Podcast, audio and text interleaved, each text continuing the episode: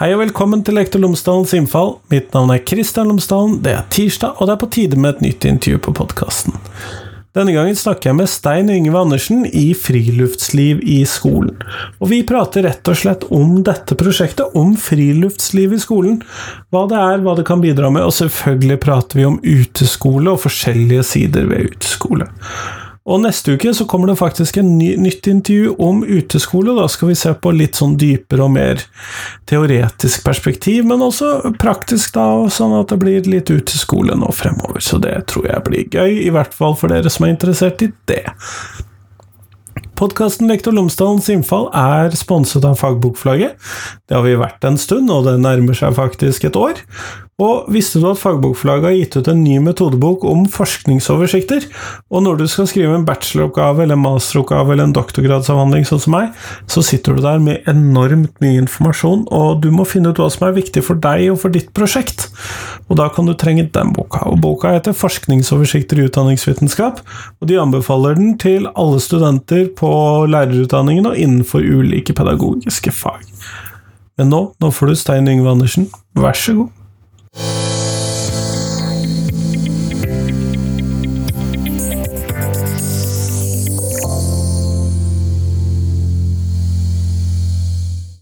Um, I da, denne episoden her så kommer vi til å nevne da, forskjellige organisasjoner som vi samarbeider med, med tanke på da, de regionale kursene som vi holder for lærere, og da, det samarbeidet som vi har med Høgskolen på Vestlandet. Og her er den fulle listen. Vi samarbeider da med Norsk, Den norske turistforening, eh, Orienteringsforbundet, Norges sopp- og nyttevekstforbund, 4H, Friluftsrådenes landsforbund og Det norske skogselskapet og Skogkurs.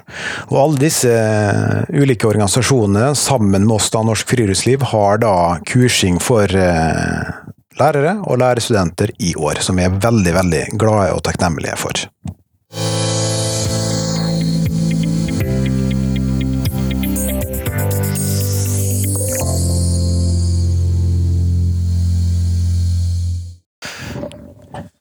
Stein Yngve Andersen, tusen takk for at du har tatt deg tid til meg i dag. Tusen takk for at jeg fikk lov til å komme. Før vi kommer sånn ordentlig i gang, så hadde jeg håpet at du kunne fortelle lytterne mine tre ting om deg selv, sånn at de kan få bli litt bedre kjent med deg. Ja. Nei, som du, som du sa, så heter jeg jo da Stein Yngve Andersen. Um, jeg jobber som prosjektleder for uh, friluftsliv i skolen hos da Norsk Friluftsliv, som er da en paraplyorganisasjon for 18 av de store friluftslivsorganisasjonene i Norge. da. Og um, Norsk Friluftsliv uh, har jo da 950 000 medlemmer, fordelt over da 5000 lag og foreninger. Mye av dette er Den uh, norske turistforening, eller? Ja, det kan du si. Det er jo definitivt dem som er størst, men samtidig så har vi masse, massevis av forskjellige andre organisasjoner som er medlem hos oss. også. Og um, en av de siste som ble medlem hos oss nå, det er jo da Norsk uh, sopp- og nyttevekstforeningen. Ja. Sopp- og nyttevekstforening. Mm. Jeg visste ikke at vi hadde det. Men veldig bra de ble medlem. Ja, ja. Så, så de, de, er nå medlemmer hos oss og gjør en fantastisk innsats og, og, og sprer det glade budskap om sopp og nyttevekster. Ja. Og da må man selvfølgelig ut i friluft? Da må man ut i friluft. Kjempeflott. Og det er jo da mm. uteskole vi skal snakke om i dag. og Eh, da må jeg jo først starte, det har jeg lært etter hvert. Hva mener vi når vi snakker om uteskole? Hva sa du? Hva mener vi når vi snakker om uteskole? Nei, hva mener vi når vi snakker om uteskole? Um, uteskole i Norge, hvis vi tenker det litt sånn historisk sett, så har det da tradisjonelt sett vært å ha da friluftslivsrelatert eh, undervisning. Uh, man har også brukt uteskole som en plass der man tar med klasseromsundervisningen ut, og bruker naturen mer da som en kuliss. Og så er det da den siste formen som nå har fått større og større fotfeste, der man tar og eh, integrerer praksisen sin. Eh, at man bruker da egentlig uteskole som en integrert del av undervisningspraksisen sin. Mm. Altså at klasserommet da flyttes ut da på mange måter? Ja, riktig. Så det blir jo da, sånn som du sier, å flytte klasserommet ut, eller utvide klasserommet, og bruke da egentlig de ressursene man finner da i naturen, til å berike da det fagemnet, eller på tvers av fagemner, som man da underviser i. For Man kunne vel da se for seg med de to første at det da ofte dreide seg om typ nå er det naturfag, så da skal vi ut og se etter uh, høstblader, for eksempel. Mm. Som jo var en relativt vanlig aktivitet om høsten. Ja, sant. Og um, selvfølgelig så er det jo Naturfag er jo kanskje noe av det man tenker først på når man tenker uteskole. Men samtidig så er jo egentlig uteskole en didaktisk eh, tanke som kan egentlig brukes i alle fag. Jeg har brukt det selv i eh, både naturfag, matematikk, kunst og håndverk selvfølgelig. Jeg har brukt det i norsk, jeg har brukt det i engelsk, jeg har brukt det i mange forskjellige fag. Så det handler mye om liksom hvor kreativ du er da som lærer, og de mulighetene som du da kan finne i klasserommet ute. Du valgte å bruke 'selvfølgelig' om kunst og håndverk, og for min del så er ikke det selvfølgelig for en femmer. så hvorfor var det selvfølgelig? Nei, altså Kunst og håndverk og naturen. Da er det jo eh, mye man kan gjøre ute. Og man finner jo så, masse, så, mange forskjellige typer materialer ute som man kan bruke da i kunst- og håndverkundervisningen. Eh, selvfølgelig så kan man tenke liksom treverk er det første man tenker på, da. Men samtidig så kan man også bruke ulike ul, Altså ting som har ulike teksturer, ulike farger. Og så egentlig bruke det også da som en innfallsport til f.eks. matematikkfaget. Jeg hadde med meg en eh, hva det var det, fjerde klasse, tror jeg, ut. Og da gikk vi til eh, da vår lille skog, som lå egentlig ganske nærme skolen. Eh, og der vi da tok med oss forskjellige emner inn i klasserommet, og så lagde vi meterstokker. Og da brukte vi jo kunst- og håndverksfaget til å egentlig um, pynte på disse meterstokkene, sånn at de ble da individuelle og personlige for elevene. Og så tok vi dem da med ut, og så fikk de da et, et godt forhold til hva en meter var.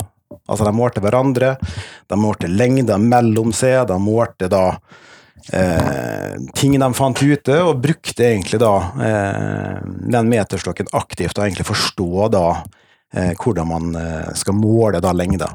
Dette var potensielt før korona, og de fikk et veldig nært forhold til denne meterstokken? ja, veldig godt poeng.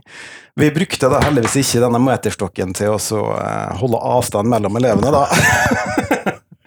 Noe som var veldig bra. Mm. Men når du da skisserer at det da finnes disse tre hovedtypene, mm. så sier du at en av disse er eh, ny i, i, i, norsk skole, eller i hvert fall har, har en kortere fartstid, da, mm. kanskje. Heller riktigere å si. Eh, ser du noen grunner for hvorfor dette her kommer, eller hvorfor dette har kommet, eller eh, ja? Mm, nei, det er jo egentlig mye på grunn av de pedagogiske strømningene som man har da eh, ellers i, i, i, hva skal jeg si, det pedagogiske landskapet internasjonalt også, da. Eh, det har jo vært en bevegelse nå som har hatt veldig fokus på dybdelæring ganske lenge. Eh, og der man da har empiri fra 1200 skoler som støtter opp under at dybdelæring er en god måte å drive undervisning på. Um, Jeg glemte spørsmålet ditt. Ja, nei, det er jo helt i orden, det. Eh, spørsmålet var hvorfor kommer dette nå? Hva er det som gjør at man tenker i de baner og involverer denne neste typen med Eller siste varianten av uteskole? Mm. Nei, altså denne siste varianten av uteskole som blir da den integrerte praksisen, da. Man ser jo det at, eh, at uteskole er noe som kan tar det for meg at man, man, kan ta inn dybdelæring i eh, undervisningen sin. Man kan drive godt relasjonsarbeid.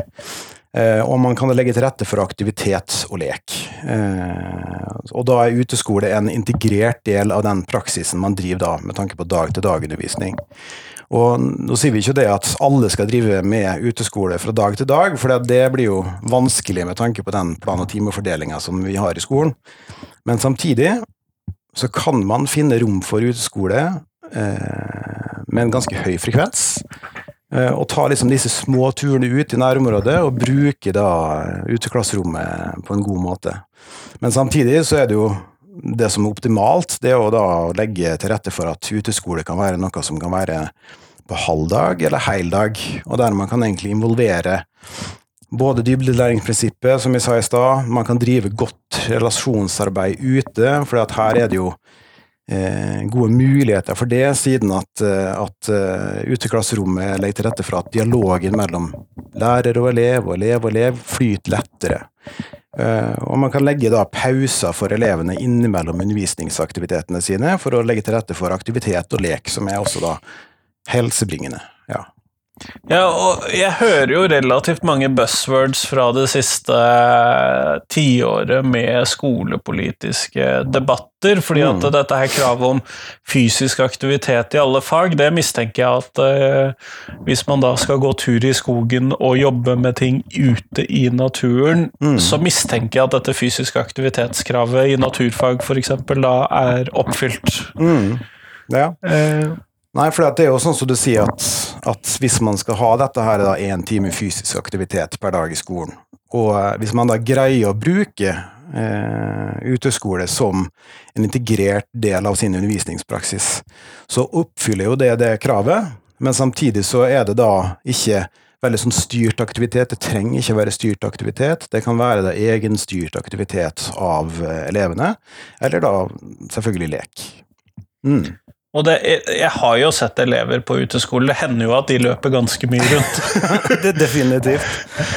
Nei, det, det, er helt riktig som du sier, at, at, eh, med å la elevene slippe til i den eh, fantastiske arenaen som naturen er, så legger man jo til rette for at de kan leke fritt, de kan bruke hele kroppen sin, de kan eh, klatre, springe, løpe, krabbe, og de kan finne da små nisjer der de kan gjemme seg og drive med fantasilek.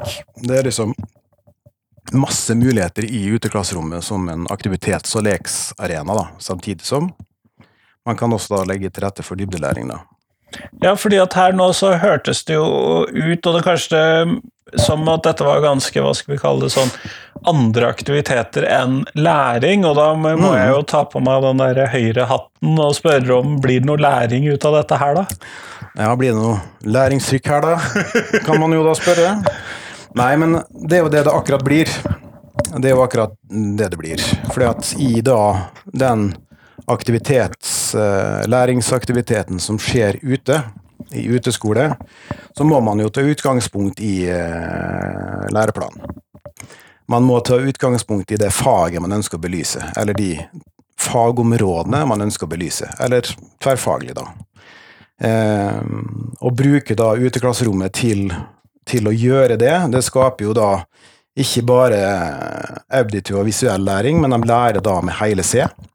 Altså, de, de kjenner hvor eh, teksturen på ting, de, de, kan måle ting med kroppen sin, de kan eh, se på ting, de kan lukte på ting, de kan høre ting. Og alle disse forskjellige da, eh, sansene skaper da dypere minnespor for læring. Så det man gjør da egentlig gjennom uteskole, og med tanke på dybdelæringsprinsippet, da, det er jo det at man skaper da en ganske, et ganske solid fundament for den kunnskapen man ønsker å formidle ute. Eh, og så er da dette her med da relasjonsarbeid, aktivitet og lek da synergieffekter av å ha da en god tanke om hva uteskole skal og bør være.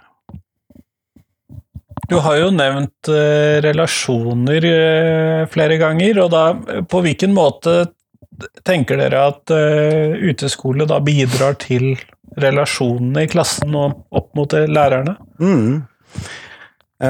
Det er jo slik at uh, klasserommet kan jo være en ganske sånn formell ramme, der uh, et relasjonsarbeid kan uh, ikke lide av det, men kan da få, få litt sånn kunstig At det kan bli litt kunstig. Mens i uteklasserommet så ser vi jo det at den uformelle rammen bidrar til at flyten mellom samtalene mellom lærer og elev flyter mye lettere. Det er mye lettere å komme inn på ting som ikke har med fag å gjøre, men som har da med hvem denne eleven her er. Og hvis du da kommer på innsida og finner ut liksom, hvem er det denne her eleven er, hva er det som, eh, som gjør at denne her eleven eh, Eller hva er styrkene til denne eleven, da? Så kan man da bruke det i relasjonsarbeidet til å skape gode relasjoner, men også da til å finne ut hva man gjør her for å egentlig da gjøre denne eleven den beste versjonen av seg selv. Nettopp, og det, jeg ser jo at det blir bedre muligheter til dette her i en utesammenheng. Blant annet så vet jeg jo det at eh, det kan jo være veldig krevende hvis man skal ha disse da, samtalene som er litt sånn personlige, én til én. Det å sitte og se rett på noen, det kan være ganske krevende, men hvis du går ved siden av noen, eller sitter og kjører i bil ved siden av noen, eller på andre måter gjør hvis, eh, Sitte og game, eksempel, ved siden av hverandre på samme skjerm, så vil man slippe den intensiteten, men likevel da kunne gjøre Ja. Nei, det er akkurat sånn som du sier, og jeg har en liten sånn eh, Hva skal jeg si, en liten fortelling i forhold til det her, da. Fordi at jeg hadde jo gjennom da ja, 20 år som, eh, som pedagog, da, så har jeg jo møtt veldig mange forskjellige elever. Og eh, det er et møte som jeg husker spesielt godt, for dette her var da en, eh, en liten krabat som ikke var så glad i å gå på skolen, og syntes at det var krevende med matematikk, og liksom hadde litt sånn motstand mot det, da. Og så eh, var han jo egentlig veldig sånn glad i å gå ut, og glad i å være ute og leke, og liksom trivdes i det, den sfæren av skolen, da. Og så skulle vi da ha uteskoletimen. Eh, Vi skulle ha matematikk. Eh, og du ser bare det at hele eleven bare Å nei, skal vi ta med faget ut? Skal vi drive matematikk ute? Skal vi ødelegge Skal naturen? vi ødelegge naturen? Og, og, og, eh, og så det at han, han, han syntes det var litt vanskelig, det der, da. Og så visste jo også det at han hadde akkurat fått seg en ny katt. Så det jeg da gjorde, det var at jeg hadde et litt sånn ekstra øye til han, så jeg, jeg på vei opp mot da eh, den plassen vi hadde uteskole på, så gikk jeg ved siden av han. Og så begynte jeg bare å prate om katten, og plutselig så ser du at hele gutten bare åpner seg, og dette her er jo en eh, liten gåtur på, ja, si ti minutter, da, og der vi snakka fram og tilbake om denne katten, og hva fin var, hva han het, og alt. Og når vi kom fram til da eh, leirplassen, så er det jo slik at da skal alle elevene samle sekkene sine, og så i min forberedelse får de fri, og da er de ute og leker og finner på aktivitet rundt omkring i nærområdet. Så da avslutta vi samtalen, og så eh, sendte vi da elevene ut, og så var da disse elevene ute og leke. Og når han kom tilbake igjen, så var han jo liksom en, en glad gutt som var klar til å lære. Og det var jo fordi at vi hadde liksom fått denne her relasjonen med å ha den uformelle praten om den katten. Og han glemte det at han syntes at det var vanskelig å, å, å pesete med matematikk. Så å bruke alle disse her små øyeblikkene, da. Den her lille gåturen opp til leirplassen. Den her lille eh, stunden der f.eks. en elev kommer og tar litt vann mens du sitter og forbereder deg rundt bålplassen. Alle de små, eh, små, små øyeblikkene er da muligheter for å drive godt og, og, og, og veldig sånn pro... Hva skal jeg kalle det? da? Man fyller på kontoen. Man fyller på kontoen sånn at man får gode relasjoner. Og dermed så blir det mye lettere å, å samspille med disse elevene også seinere. Jeg ser at det kan ha noen fordelaktige sider. Ja. Eh, Jeg ser det, men hva er det som må ligge til rette da, for at man skal kunne drive med uteskole, kanskje særlig av denne integrerte varianten? Det er jo kanskje det som er mest interessant å snakke om, og som kanskje også da gir noen svar for de to andre også. Nei, akkurat i forhold til, til det spørsmålet du stiller der, da, så er det jo eh, et prosjekt som vi har som heter Suksessfulle kriterier eh, for uteskole i barnehage, SFO og skole. Og der har vi sett på alle, alle kriterier for suksess for å drive god uteskole, da. Og det som da blir trukket fram her, er jo det at eh, lærerstaben som skal drive med dette her, må ha kompetanse. Og da er det ikke bare med tanke på kompetanse på friluftsliv, for den er jo liksom Hvis man har god kompetanse på hvordan man skal kle seg til seg i naturen, og hvordan man skal da skape en varmekilde i naturen, og liksom legge til rette for at det blir behagelig å være ute i naturen, da. Så med varmekilde så mener du bål. der mener jeg bål. Ellers det kan være gapahuken som står der oppe, som kan være vind, eh, ly for eh, vind eller regn. Men noe sånn, så er det jo som det at dette, denne kunnskapen må jo de lærerne ha, for egentlig ferdes da ute. Og dette ser vi også er en av de faktorene som spiller inn på eh, de lærerne som ikke da føler seg kompetent nok til å gjøre det også. At de mangler denne kunnskapen. Um, så kompetansebiten er jo da viktig, og så er det jo da selvfølgelig at man trenger da tid. Man trenger tid og rom eh, da i plan- og timefordelingen, sånn at man da har nok folk til å ta med seg ut, sånn at det ikke blir en veldig stor belastning på den læreren som er der. Eh, man trenger tid og rom for å drive da eh, uteskole på en, en, god måte, og da er det sånn som jeg sa i stad, at ja, du kan ta disse herre eh, småturene ut for å drive da ute, eh, klasseromsaktivitet ute. Men samtidig, hvis man skal da drive med det som en integrert praksis, så trenger man faktisk tid. Og da må også eh, skoleledelsen si, se, se, verdien av eh, hva uteskole kan gi, da, med tanke på dybdelæring og relasjonsarbeid og aktivitet og lek. da. Til. Men det er med andre ord, og det skjønner jeg jo da, det er ikke gratis i en sånn eh, skolehverdag å skulle begynne med uteskole? Det er jo ikke gratis, men samtidig så er det jo mange skoler som får det til. Og de skolene som får det til, der har de jo en, eh, en skoleleder som ser verdien av å bruke uteskoledidaktikk som en integrert del av, eh, av praksisen, da. Eh, og de, de, de, gir da rom for det, og de, de, tenker liksom såpass langt fram at her er det faktisk en, en, didaktisk metode som kan gi fordeler for de elevene som bedriver det på lang sikt. At man kan ikke liksom tenke hele tida på kort sikt at hva er det som kan, eh, kan bidra til at man kan heve karaktersnittet, da, eksempel, hvis man tenker ungdomsskole. Eh, det er liksom ikke sånn at man kan bruke uteskole som en, en, en, et tips eller triks til å liksom forbedre skoleresultatene, men man må tenke langsiktig.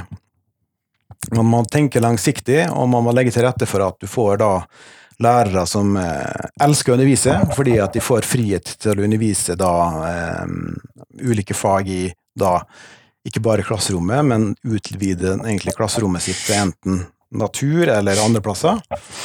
Eh, og at du får da elever som elsker å lære, fordi at du får da aktiv, praktisk og underundervisning, som det da heter så fint i da ja, kunnskapsministeren ønsker innspill på dette her. I kommende stortingsmelding for eh, ungdomstid og 5. til tiende trinn, så ønsker da kunnskapsministeren eh, innspill på praktisk undervisning. Og da er det jo der har vel dere spilt inn litt, ja? Ja, Der har vi jo allerede lagt et innspill, selvfølgelig, og delt det, sånn at flere kan se det. Eh, og det er da med tanke på at man har gjennom de siste to årene sett eh, veldig mange rapporter som har tegna et bilde av en skole som trenger, trenger hjelp. Da. Og da har vi liksom Ungdata, Ungdata junior, Parrapporten, skolen etter eh, koronapandemien, og Norsk Friluftslivs egen eh, Ipsos-rapport. Så alle disse rapportene sier at eh, man må gjøre noe for at elevene da skal bli motivert og inspirert til å komme på skolen, og at de da ønsker å være der fordi at de ser at de får da undervisning som, som, som motiverer de til å lære. Nettopp. Hvordan ligger For du har jo nevnt dette med det politiske allerede. Hvordan, mm. hvordan ser det politiske landskapet ut da for uh, integrert uh, uteskole og friluftsliv i skolen osv.? Hvordan er det politiske bildet? Ja, nå spør du jo meg som har uteskolebrillene på, da. ja, ja. Og det må jo folk forstå. Så det ja, ja, går bra. Og, eh, og, med uteskolebrillene på, så ser jo det at her er det jo ting som man kan ta med seg fra læreplanen av 2020. Man har jo da at naturen skal være kunnskap eh, skal, skal, Naturen skal da eh, gjøre sånn at man har kunnskap om natur, respekt for natur og miljøbevissthet, som det står i overordnet del. Eh, naturen som læringsarena kan jo skape da eh, Åpne for skaperglede, engasjement og utforskertrang. Eh, man kan drive med sosiallæring og utvikling. Man kan da øke grunnkompetansen i fagene hvis man er da såpass proaktiv at man bruker det systematisk fram i første klasse. Man kan spille på tverrfaglige temaer osv. Så i forhold til læreplanen så ser jeg jo da, i med mine uteskolebriller, eh, mye som kan brukes, eller mye, mye, mange argumenter for å bruke uteskole, da.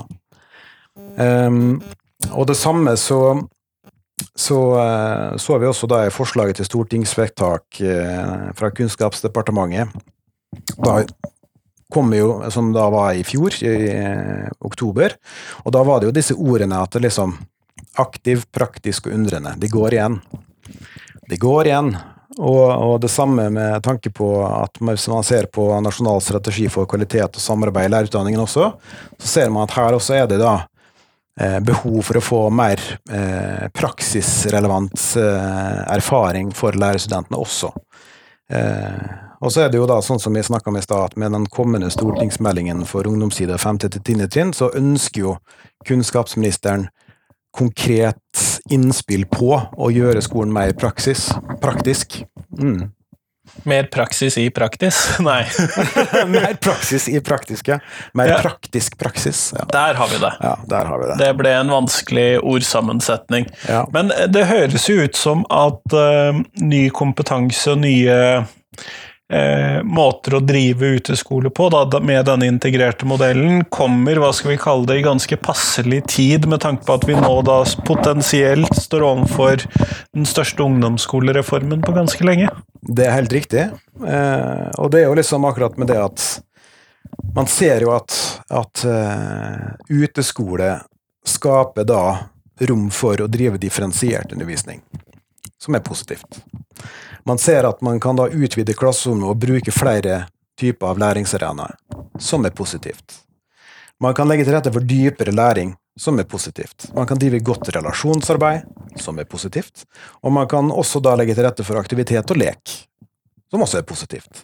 Så her er det jo veldig mange sånne positive plussord som går igjen og går igjen og går igjen, og går igjen, som tar det egentlig for at, at ja, vi trenger faktisk da å eh, implementere uteskoledidaktikken i lærerutdanningen, for å gi egentlig de studentene som går der, eh, kompetanse til å ta med seg dette her ut i skolen. Så mitt eh, ønske er jo det at, at hele universitets- og høyskolesektoren skal ta imot vår da invitasjon til samarbeid, og, og, og være med eh, til å skape da uteskoledidaktikk og utepedagogikk som fast del av lærerutdanningen. Og da kan jeg jo avsløre at du er jo i Bergen og spiller inn dette på kontoret mitt, faktisk. Det er jo ikke alle som er det, og det er jo fordi at du har hatt et opplegg med Høgskolen på Vestlandet, så kan jeg jo skryte av den lokale konkurrenten. Mm. Eh, ja.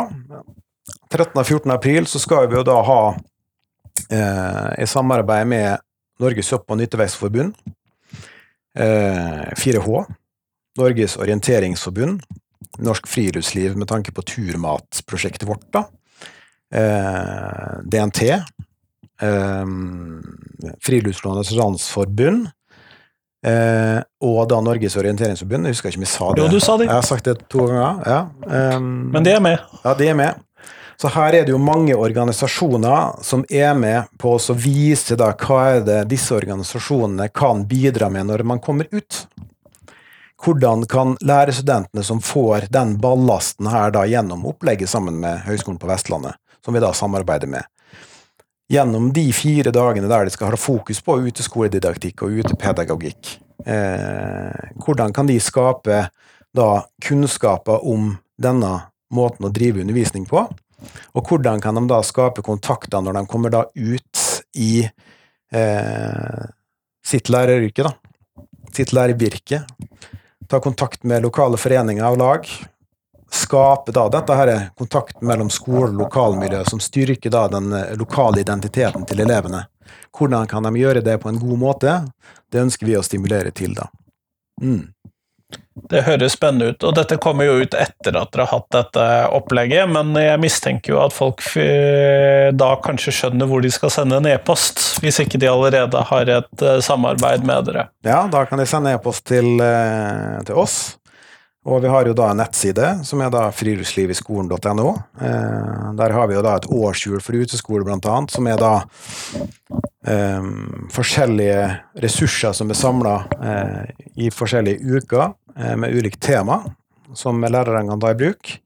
Vi har eh, aktivitetsbrosjyrer gratis, som de kan da enten laste ned eller bestille fra oss, med da forskjellige tips til hva de kan gjøre med tanke på um, uteskole. Og vi har også da en samling av andre ressurser som finnes med tanke på uteskole. Nyttig. Jeg må tilbake litt. Jeg fleipet litt om korona i stad, ja. når vi hadde den der meteren. Men det aner meg jo at veldig mange skoler prøvde uteskole for første gang, eller videreførte noe de allerede hadde dyppet tærne litt ned i, Sant. som en del av å håndtere denne trafikklysmodellen i løpet av koronapandemien. Mm. Stemmer det? Ja, det er jo, det er jo eh, en konsensus med tanke på at man hadde da mer uteskole under koronatiden. Eh, og, og, det krevde jo ganske mye av de lærerne som ble rett og slett kasta ut i det. Litt sånn som all den Teams-undervisningen krevde sant, en del. Sant, det krevde mye, men jeg, tenker, jeg, må virkelig applaudere alle de lærerne, og egentlig hele Lærer-Norge, med tanke på den innsatsen de gjorde under korona. Både med tanke på det du refererer til Teams-undervisning, som var krevende i seg selv, men også det med det at de, de eh, tok den utfordringen med å ta med seg elevene ut, og gjorde det med glans. Og, eh, og eh, vi håper jo det at, at den den uteskoleerfaringen de da gjorde seg, kan være med på å egentlig da eh, gjøre de mer interessert i å finne ut mer om uteskole. da. Og uh, Jeg nevnte jo det at vi har dette her um, samarbeidet med Høgskolen på Vestlandet og disse her kursene for lærerstudentene der. Men vi har jo også da kurs for, for, for lærere også regionale kurs, der vi har da den samme modellen som vi skal da kjøre 13. og 14. april, eh, for da lærere rundt omkring i Norge. Spennende. Mm. Eh, jeg tenker jo det at eh, dette er veldig interessant, og så håper jeg jo samtidig at man da velger å bruke uteskole fordi at man er interessert i det, og ikke som jeg av og til har fleipet når jeg ser fulle skolebygg. Mm. At nå, må vi, nå er vi nødt til å ha én dag i uken sirkulerende mm. uh, som uteskole, mm. fordi at vi må faktisk ha plass til alle disse elevene. Ja. For det er en problemstilling i Bergen at det er for små skolebygg til antall klasser de er nødt til å ha. Uh, og så syns jeg at vi bør starte den pedagogiske begrunnelsen et annet sted enn pokker vi mangler klasserom. ja, og da er det jo liksom uh, sånn som jeg nå har nevnt flere ganger, at, at uh, man har jo faktisk en mulighet med uteskole til å så egentlig da videreforedle den, den lærerpraksisen som man har Uh, og ta det videre og, og, virkelig kunne bruke sin fantasi og uh, bli inspirert til å skape fantastisk undervisning. Altså fantastisk undervisning som ikke bare er ekstremt givende for læreren, men som også da skaper entusiasme blant elevene. Og hvis man da får til det, og bruker da egentlig uteskole som en, eh, som en måte på å å, å, å, se hele eleven og sette eleven i sentrum og liksom gjøre alle disse tingene som vi, vi ble innprenta med på lærerskolen, så har man vunnet. Da har man egentlig gjort et kunststykke. Da har man egentlig da gjort det steget videre som trengs i norsk skole i dag. da. Kjempeflott. Det tror jeg er et godt sted å runde av. Mm. Uh, siste spørsmålet mitt det er et spørsmål jeg stiller til alle jeg intervjuer for tiden. Hvilken lærer har gjort størst inntrykk på deg, og hvorfor det? Da er det jo faktisk min gamle kontaktlærer, eh, Kristin Nilsen. Eh, hun har jo gått av med pensjon nå, da. Eh, men hun var da kontaktlæreren min fra første klasse til og med sjette klasse. Hun var da en lærer som så alle elevene sine. Hun fant styrkene våre og hjalp oss til å bli da den beste utgaven av oss selv. Og det er liksom det jeg har tatt med meg òg, da. At det å se elevene, skape gode relasjoner, og hjelpe dem til å bli den beste versjonen av seg sjøl, fremheve styrkene deres, og samtidig da veilede dem i sin reise gjennom fag og fagområder, det er noe som jeg liksom brenner for da, i mitt virke som eh, lærer, men eh, nå da som prosjektleder også. Å skape da trygge og motiverte og robuste elever eh, i skolen. Kjempeflott. Tusen takk for at du tok deg tid til meg i dag. Tusen takk for at jeg fikk komme.